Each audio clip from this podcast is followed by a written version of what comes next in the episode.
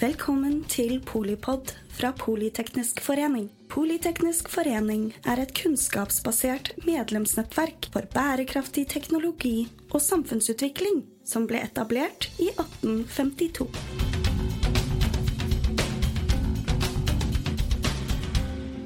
Velkommen til eh, Polipod, der vi spør om hvilken energifremtid vi får i Norge. Da har vi med oss eh, tre kraftkarer her i studio. Det er eh, kanskje de tre selskapene som eh, kan og vet og gjør mest innen energi. Det er nemlig Erik, Eirik Wærnes, som er sjefsøkonom i Equinor. Hallo, hei. Det er Henrik Setnes, som er konserndirektør i Statkraft. Hei. Og det er Sverre Alvik, som er forskningsleder i eh, DNV. Hallo. Spør deg, jeg, eh, fordi vi har jo faktisk jobbet om oss på energifremtiden litt sammen i tidligere tider, eh, Sverre. Hva er det viktigste å følge med på for å forstå utviklingen? Er teknologi, politikk og økonomi. Eh, og, og kanskje ved politikk aller først. Eh, men alle disse tre er veldig viktige. Og, og når vi sier politikk, nå må vi kanskje også ta med geopolitikk. For det blir stadig viktigere i den eh, utviklinga vi ser framover nå. Eh, I hvert fall for oss som, som jo lager en fremskriving på hva vi tror holder på å skje, så er dette med politikk det aller vanskeligste og det mest usikre. Og enten det er norsk politikk eller eh, europeisk og global politikk som påvirker det vi gjør i Norge, så er det eh, kanskje det vi følger aller best med på. Men vi følger selvfølgelig godt med på teknologi og økonomi og andre områder også.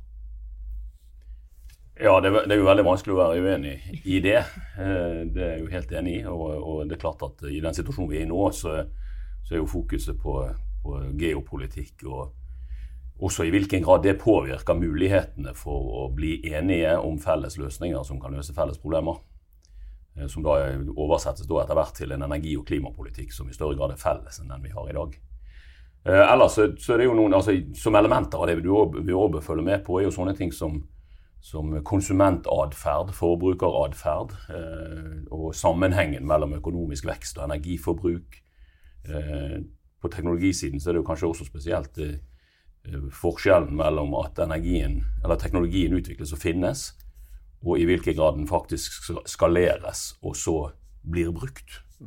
Og dermed så får du sånne ting som endringstakt i, i kapitalutstyret som vi bruker både på etterspørsels- og tilbudssiden, som jo er veldig viktig hvis du, hvis du skal ha håp om en rask energiomstilling. Da må endringstakten opp. Da kan vi ikke fortsette å bruke eh, den samme flybensinen i fly som flyr i 40 år. Eh, Så, så den endringstakten både når det gjelder energiforbruk og, og kapitalutstyr, er også viktig å følge med på da, og se om det skjer noe der. Jeg tror I tillegg til det så tenker jeg at um, i hvert fall som vi tenker, så, så, er, det, så er økonomi eh, viktig fordi det også påvirker politikken. ikke sant? Slik at eh, på kort sikt så er det vanskelig å liksom fri seg fra det systemet du har i dag, eh, den politikken som føres i dag. Men på eh, veldig lang sikt så er det klart at um, eh, handlingsrommet til landene, til politikerne, påvirkes åpenbart av hva ting koster. Eh, slik at det å, å ha et perspektiv på eh, hva det vil koste å produsere energi på lang sikt, eh, er ekstremt viktig. Um, fordi eh, det vi tror vi alle kan enes om, er på en måte at eh, i den lange enden så vil på en måte dagens eh, kapitalutstyr, da, som Eirik eh, kaller det, ikke sant? Eh, oljeplattformer, kraftverk, eh, den type ting, eh, gå tomme eller eh, nå enden av sin levetid. eh, og vil måtte erstattes nesten altså det er ikke helt uavhengig av forbruker, men nesten uavhengig av forbruker, kan man si. Um, og dermed er det på en måte viktig å forstå hva det vil koste å bygge nytt. Og så er En problemstilling er jo at vi er her oppe i nord i hvert fall, så er vi jo ofte veldig navlebeskuende og tror at det som foregår rundt oss, er det viktigste. Mens det, skal du se hva som foregår i verden, så må du, må du følge med der hvor det er mye folk. Eh, der hvor, hvor det er behov, et skrikende behov for økt tilgang på energi. Eh, og der de politiske systemene er gjerne er helt annerledes enn eh, det vi, det vi ser i dag. Og da er vi jo litt tilbake at alt, alt henger sammen med alt, for, særlig på økonomisida. Så, så eh, nå er det vanskelige tider. Ja, vi kan klage på høye renter i Norge. Andre steder klager de på høye matvarepriser, eller eh, at de ikke har råd til å prioritere utdanning eller likestilling. Så, så det er en viss mengde kapital tilgjengelig. Mye av det brukes på forsvarsmateriell. Det er krig i Ukraina, Midtøsten. Så, så, alt henger litt sammen med alt. Så skal vi gjøre energiframskriving, så, så må vi prøve å, å, skjønne de store bildene, i tillegg til, til hva som skjer i, i, Norge og norsk politikk og prioriteringer og velgerpreferanser og, og, alt dette, som er veldig viktig for de beslutningene som tas her. Vi har jo ofte politikere i Polipod, faktisk. Og de eh, sier jo bare at nei, trenger ikke følge med på politikk, for politikken følger jo teknologiutviklingen og følger jo næringslivet. Så, så hvor møtes eh, dere? Nei, altså, Jeg tror vel at uh, det, det, som hadde vært gøy å, å, diskutere med de herrene her, er jo uh, liksom hva vi tror om geopolitikken. ikke sant? Mm. Uh, hvilken påvirkning vil det ha? mitt syn er jo at vi er i en ja, når det begynte, men, men, nå har vi en ny æra relativt til hva vi hadde på tidlig 2010-tallet. Mm. Dette, er ikke en, dette er ikke en fartsdump, og så skal vi tilbake til den gamle trendlinjen. Dette er på et eller annet vis en ny trendlinje, og hva den er, uh, kan vi, hadde vært interessant å høre noe om hva dere mener om, rett og slett. Fordi det, det tror jeg er ekstremt viktig å forstå, uh, fordi det påvirker, uh, som, som, Sverre sa, hvor mye penger vil du bruke på forsvar? Ja. Hva har det å si? Hvor opptatt blir man av å, å, å ha verdikjeder, handel med vennligsinnede versus mindre vennligsinnede land osv. Det tror jeg er ekstremt viktig å, å ha et syn på. da. Hva legger dere til grunn, og, og, hvor skiller dere dere? Dere har tre fascinerende egentlig, scenarioer eller fremskrivninger alle sammen. Men, men, hva legger dere sånn basically til grunn for geopolitisk gjetning?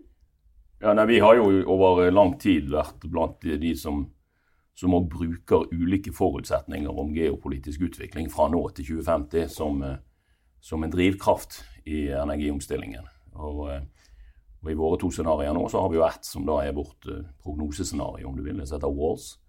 Og Der bygger vi jo på at den situasjonen vi er i nå, selvfølgelig i ulik grad i forhold til hvor mye væpnet konflikt du har, og hvor mye akutt konflikt man har, men, men, den situasjonen vi er i nå, den vil vedvare. og det, Da er jeg helt enig med Henrik. Da er du på et helt annet geopolitisk konfliktnivå. Og, og, og det å forstå hvordan verden utvikler seg bare med et europeisk eller et amerikansk utsyn på verden, blir veldig vanskelig.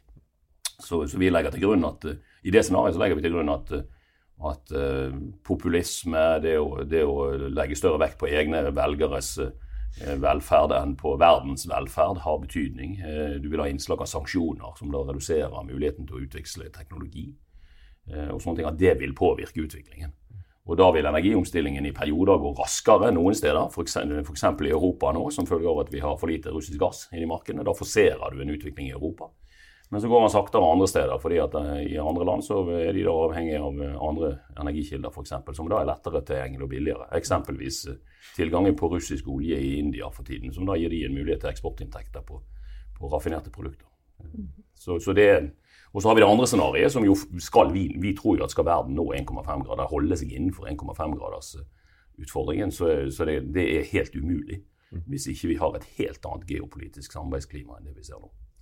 Det er ingen tvil om at uh, uh, klimaendringene lider under mangel på global uh, samarbeid, eller, og vil lide mer hvis vi ikke får det til. selv om sånn race to the top mellom USA og Europa er bra for klimaet, om du prøver å bli grønnest mulig i politikken din, så, så trenger verden et, et, samarbeid.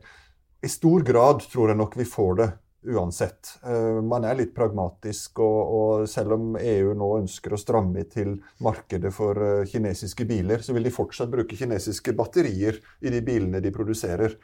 Uh, så, så, det er Eh, også et sannsynligvis eh, i fortsettelsen et utstrakt globalt samarbeid.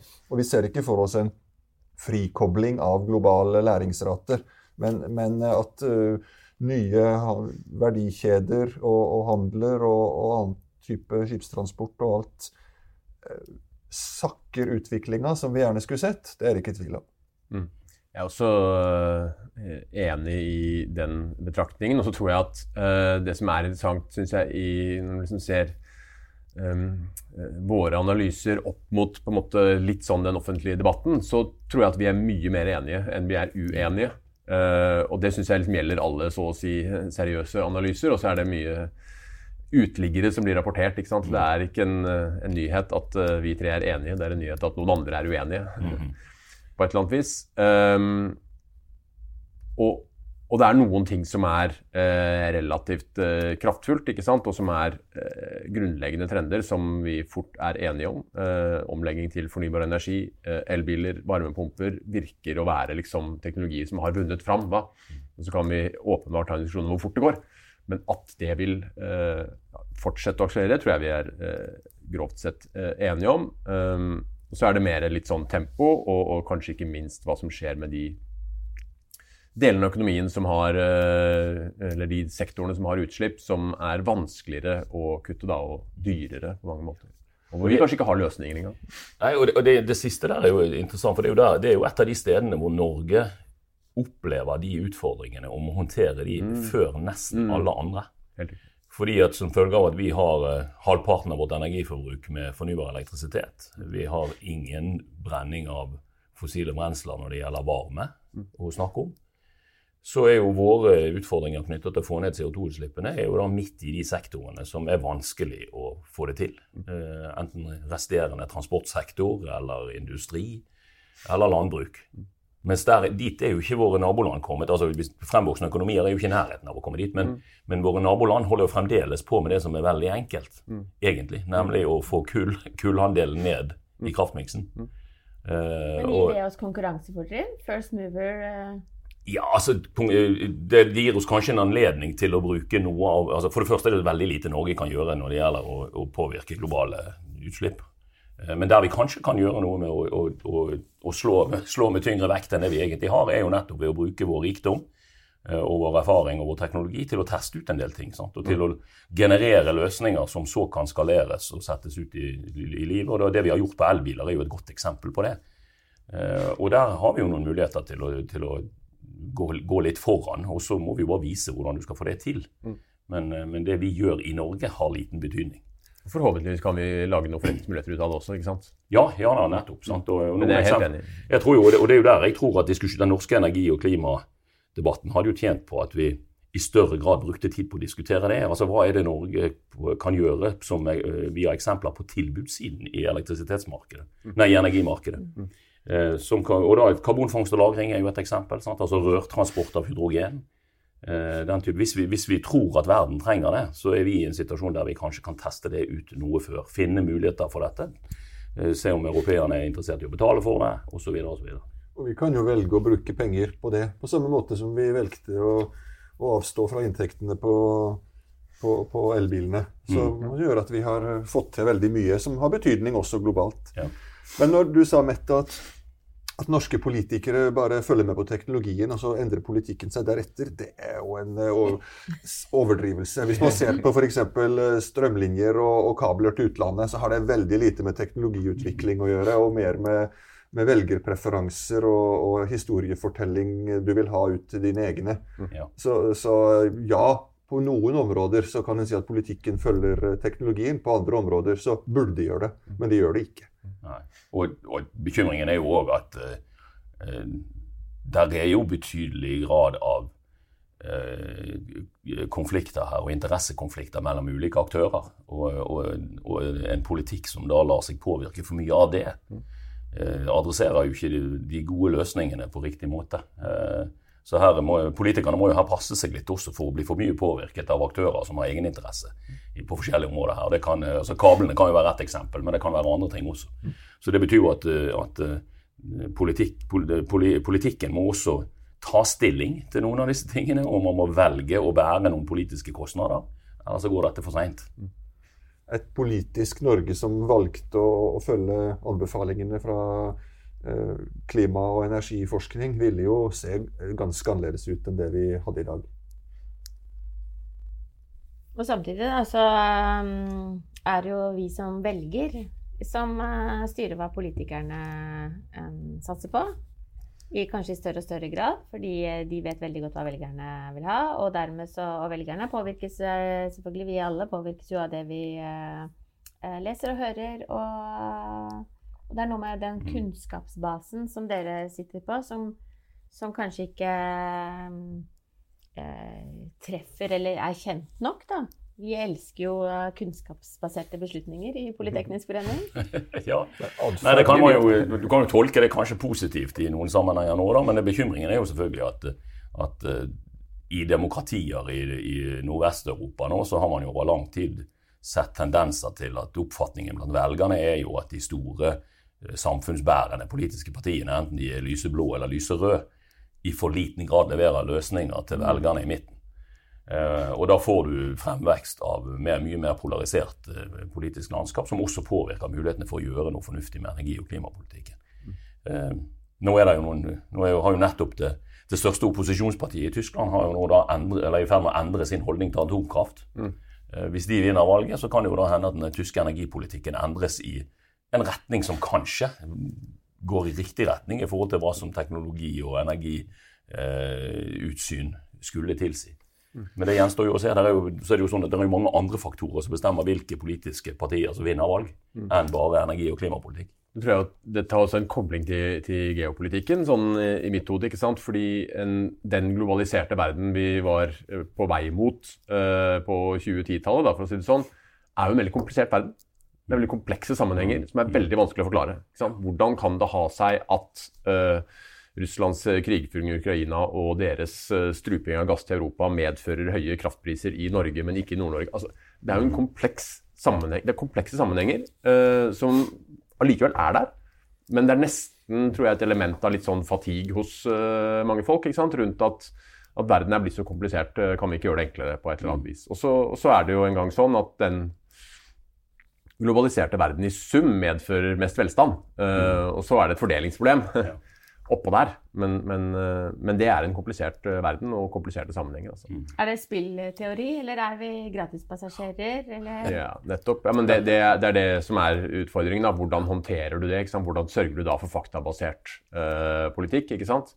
I en sånn verden hvor det er lett å, å, å ty til litt sånne Du må forenkle, og da risikerer du at du forenkler til et nivå hvor, eh, hvor faktaene forsvinner. Mm. Nei, også på, på, mange områder så er det jo, altså, er det jo nullsumspill her. sant? Altså Det som noen tjener på noe, det er det noen andre som taper. Og Da, det, da, da har du jo interessekonflikter. Mm. Også, og, Det som ofte taper, da, er jo den type løsninger som, som, som, kan, som kan, hvor, du kan løfte, altså hvor havet stiger og du løfter alle båtene. Mm. Altså typen Gode løsninger, geopolitikk som bidrar til globalisering og noe høyere økonomisk vekst. Mindre hindringer for teknologiutveksling, f.eks. Så, så, men så, det får du ikke til hvis det er interessekonfliktene som styrer. Mm.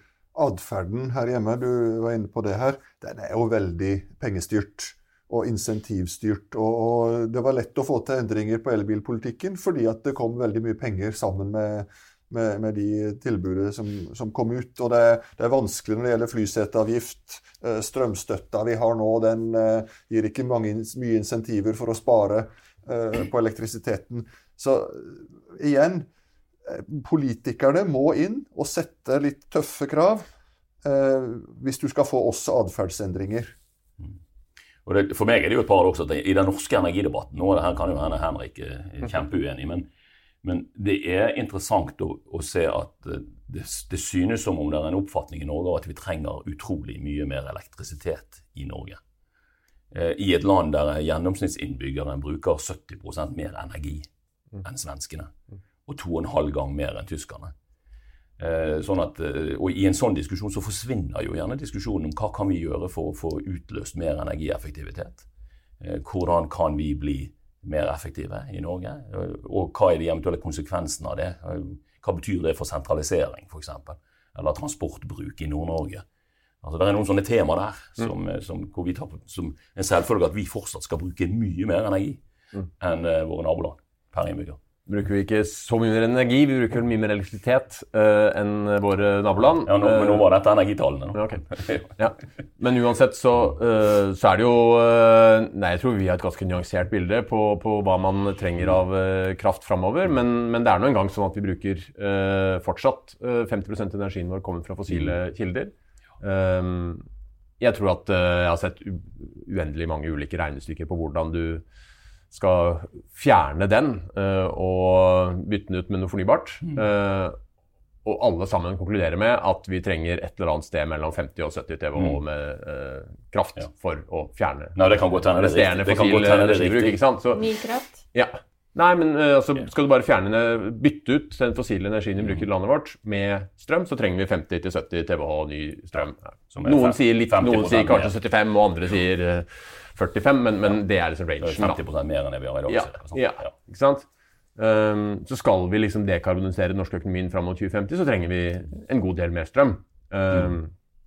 Og så betyr det at ikke vi ikke skal fokusere på energieffektivitet og, og, og, den type ting, men, men, noe mer strøm trenger vi. Og så er jo, uh, tror jeg kanskje den virkelig store um, spaken, eller uh, endringen, er jo i hvilken grad vi lykkes med å etablere nye industrivirksomheter, hydrogenproduksjon, alle mulige andre ting, som også vil trenge strøm. Ikke sant? Mm. mm.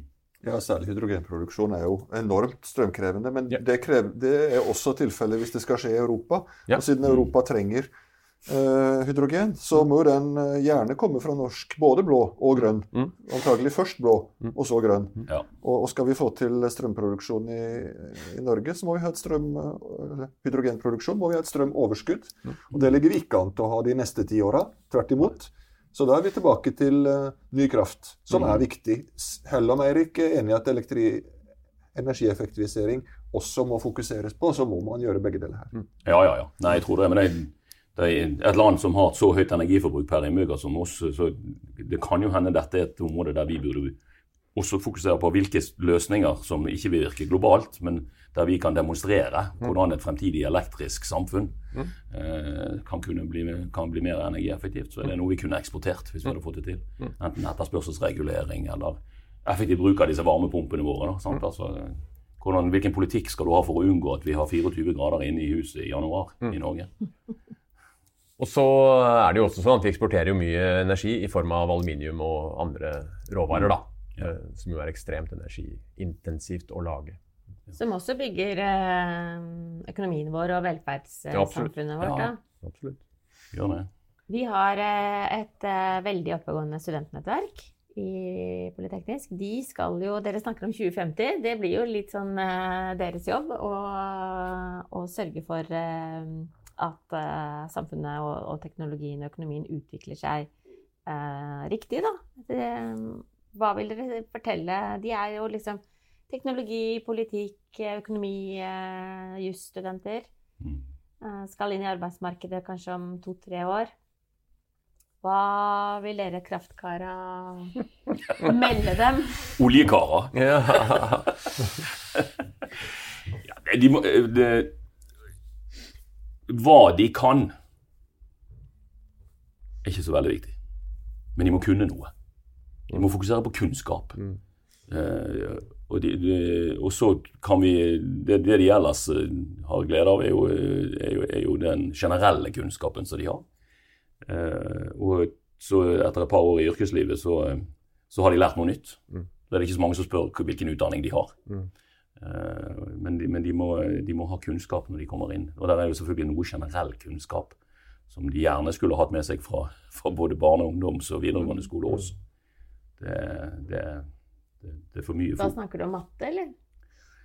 Matte, analytiske evner, eh, det å løse en oppgave, løse et problem, det å, det å klare å resonnere rundt noe hvis du er jurist, en, en, en jusstudent. Mm. Det, det, å analysere tekst er også et poeng. Mm.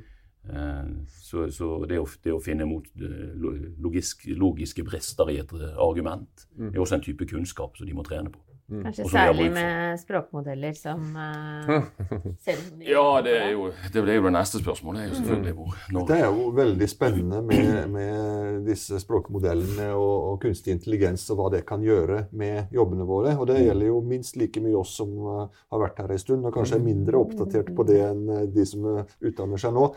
Men, men at det trengs teknologikunnskap generelt Eh, og det trengs eh, ingeniører og økonomer og jurister og, og, og lignende som, eh, som, som, går litt inn i det tekniske. Det er jo ikke tvil om. Og selv om man konkurrerer kanskje delvis globalt, så, så er det klart at vi, det, er lett å få jobb i hjemlandet der du har utdanna deg og, og, bor og snakker språket. Så, så, det at vi trenger denne type kompetanse blant norske studenter, i norsk næringsliv framover, og administrasjon for den saks skyld, det er jo ikke tvil om. Nei, jeg leder jo en avdeling med 30 nasjonaliteter og 15-20 morsmål. Og, eh, og eh, masse ungdommer. Og de norske unge her har jo ingenting å skamme seg over. De, og de bidrar fantastisk. Og eh, norsk kompetanse blant studentene er god. Og, og, og, så blir det enda bedre når du setter det sammen i en internasjonal sammenheng. Jeg tror, tror liksom våre analysemiljøer sånn sett ligner hverandre, Eirik. Det er et internasjonalt miljø med, med mange flinke folk. Uh, og som du sier, uh, også der ikke, noe, ikke noe skamme seg for blant, blant, de som kommer fra norske universiteter. men det er klart, bare for å bygge på det som blir sagt her Det å, å, virkelig liksom være god på noe, liksom, hva skal jeg si, øve hjernen sin på å tenke på kompliserte ting. Mm. Og jo mer komplisert, jo bedre. Det, det, tror jeg er noe uh, viktig blant studentene. Da. Ikke liksom ende opp med å bli for bred og, og, og generell, men, men uh, gå langt nok i et eller annet. altså. Ja, det fordi det er en nyttig øvelse. Ja, for, jeg tror, jeg, tror jeg, det, det, det, er en komplisert verden der ute, som vi har vært innom et par ganger. Og En av risikoene med det vi alle bruker mye tid på, det gjelder, dette gjelder ikke bare unge folk, men også hos voksne, er jo at, at det er så lett nå å bare bli mottaker av mm. raskt levert ja. Eh, støy, ja, ja, som av og til er informasjon, og enda sjeldnere er kunnskap. Mm. Men det å snu den strømmen til faktisk å da levere noe mm. andre veien bruk de, bruk de kildene til informasjon og kunnskap til faktisk å produsere noe. Mm. Så skriv en side om det mm. du nå lærte. Eller eh, lag den figuren. Mm. Eller løs det problemet. Mm. Istedenfor bare å motta. For vi er, i, vi er i en situasjon nå der vi får en forferdelig mye informasjon og støy inn gjennom alle kanaler jeg tror jeg har sagt uendelig mange ganger eh, liksom, Hva er innsikten? Mm -hmm. ja. Jeg har, spurt, har, jeg spurt mange ganger, for å si det sånn. For det, det, det, hva er det som er det innsiktsfulle her, da? Ja. Og det er som, kondenseringen av det. Som jeg spurte hvorfor studerte du kjernefysikk da?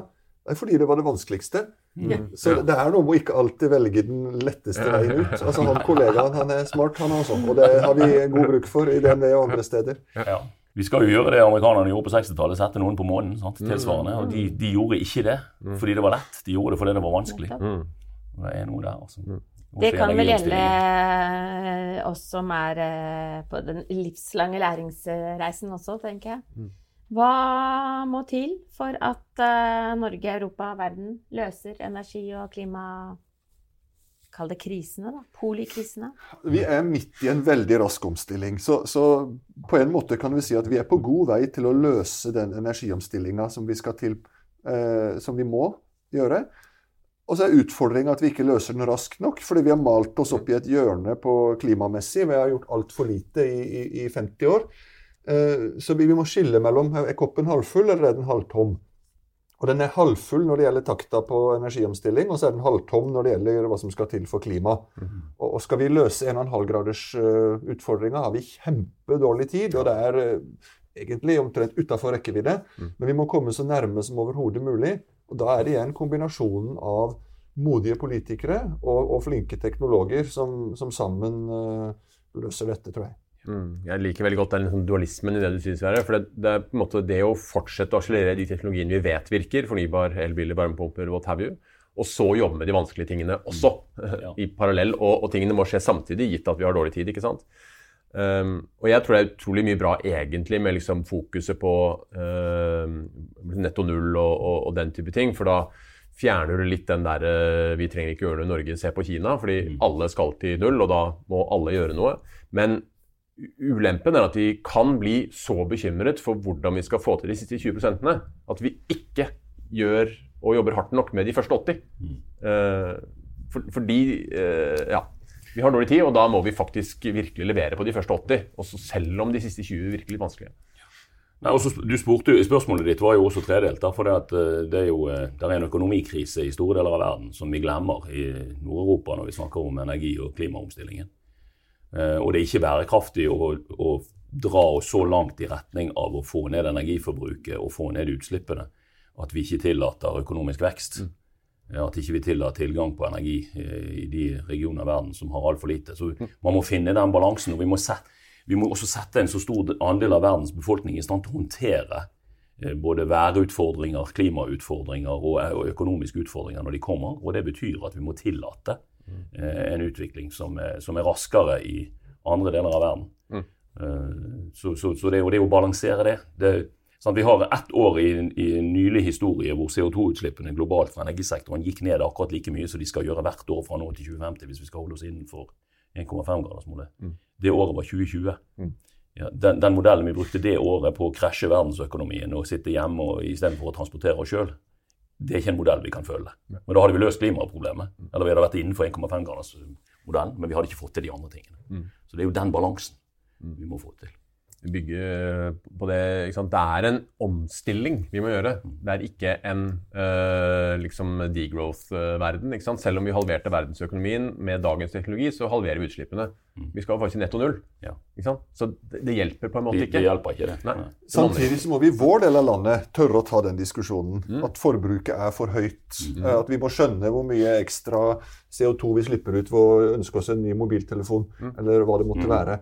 Så, så, i vår del av, av, verden er det en litt dårlig unnskyldning at, at vi må la, la, resten av verden få lov til å vokse. Her må vi kunne tørre å ta oss selv i nakken. Ja. Og så er det andre ting som skal til i, i, i India og Etiopia. Ja. Nei, og en, og en, altså en, finansieringsløsning som innenfor Parisavtalen og, og dens etterfølgere eh, vil jo, hvis den skal virke, måtte kreve redusert kjøpekraft i de rike delene av verden. Eh, kompensert med økt kjøpekraft i, i, i, andre deler av verden. Kombinert med at de da både skaffer seg sjøl, men også får tilgang på teknologi som gjør det mulig for de å da drive deres økonomi med større fart uten å øke utslippene. Mm. Og Det siste er veldig, veldig vanskelig. Mm. Men så er det vel dyrere å la være? Er det ikke jo, det er dyrere, og, og, og det er katastrofe for uh, enten du er small island states i Stillehavet eller uh, eller hvor som helst. Og den 1,5- eller 2-gradersverden, det er kjempestort problem. Og, og, vi er nødt til å inn og finansiere det. Men, så, så, det er dyrere å la være, la være, men det er kortsiktig en god del oppofrelser som vi ikke er villige til å ta. Ja, ja nei, det er, jo, det er jo, Et av de store paradoksene er jo at hva, hva gjør vi i Vesten for å løse, løse energiutfordringen til f.eks. små øystater i Indiahavet eller i Stillehavet. Maldivenes eh, energimiks er 99 olje. Eh, hva gjør vi for å løse deres eh, problem? Også som er å skaffe seg energi som er mer bærekraftig. Samtidig som vi selvfølgelig skal, må gjøre noe med utslippene globalt. Og Det er noe av det som mangler i, i energi- og klimadebatten. Det er, jo, det er jo også hvordan sørger vi for omstillingen der, den raske omstillingen på kort sikt, og ikke bare kikke på det lange langt der fremme. Mm. Jeg tror det er veldig uh, viktig at vi klarer å på en måte ha to tanker i hodet på en gang. Vi må uh, håndtere vår egen situasjon, og vi må bidra der ute. Det er en, en, en, stor verden, og som Eirik sa, vi må også liksom adressere de utfordringene som er i de landene som har stor befolkning og, og også trenger å vokse framover. Tusen takk. Jeg tenker det er i hvert fall tre tanker i hodet samtidig i denne episoden. Takk, takk til deg, Henrik Setenes, konserndirektør i Statkraft. Takk til deg, Sverre Alvik, forskningsleder i DNV. Og til deg, Eirik Wærnes, sjefsøkonomen i Equinor. Og takk til deg som hører på Polypod. Nå vet vi ganske mye mer om hvilken energifremtid vi får, men jeg vil jo kanskje legge til også hvilken energifremtid vi vil ha. Takk for at du lyttet til Polipod fra Politeknisk forening. Få med deg flere episoder, eller bli med på nettverksmøtene, som du finner ved å søke at polyteknisk, eller gå på vår hjemmeside polyteknisk.no.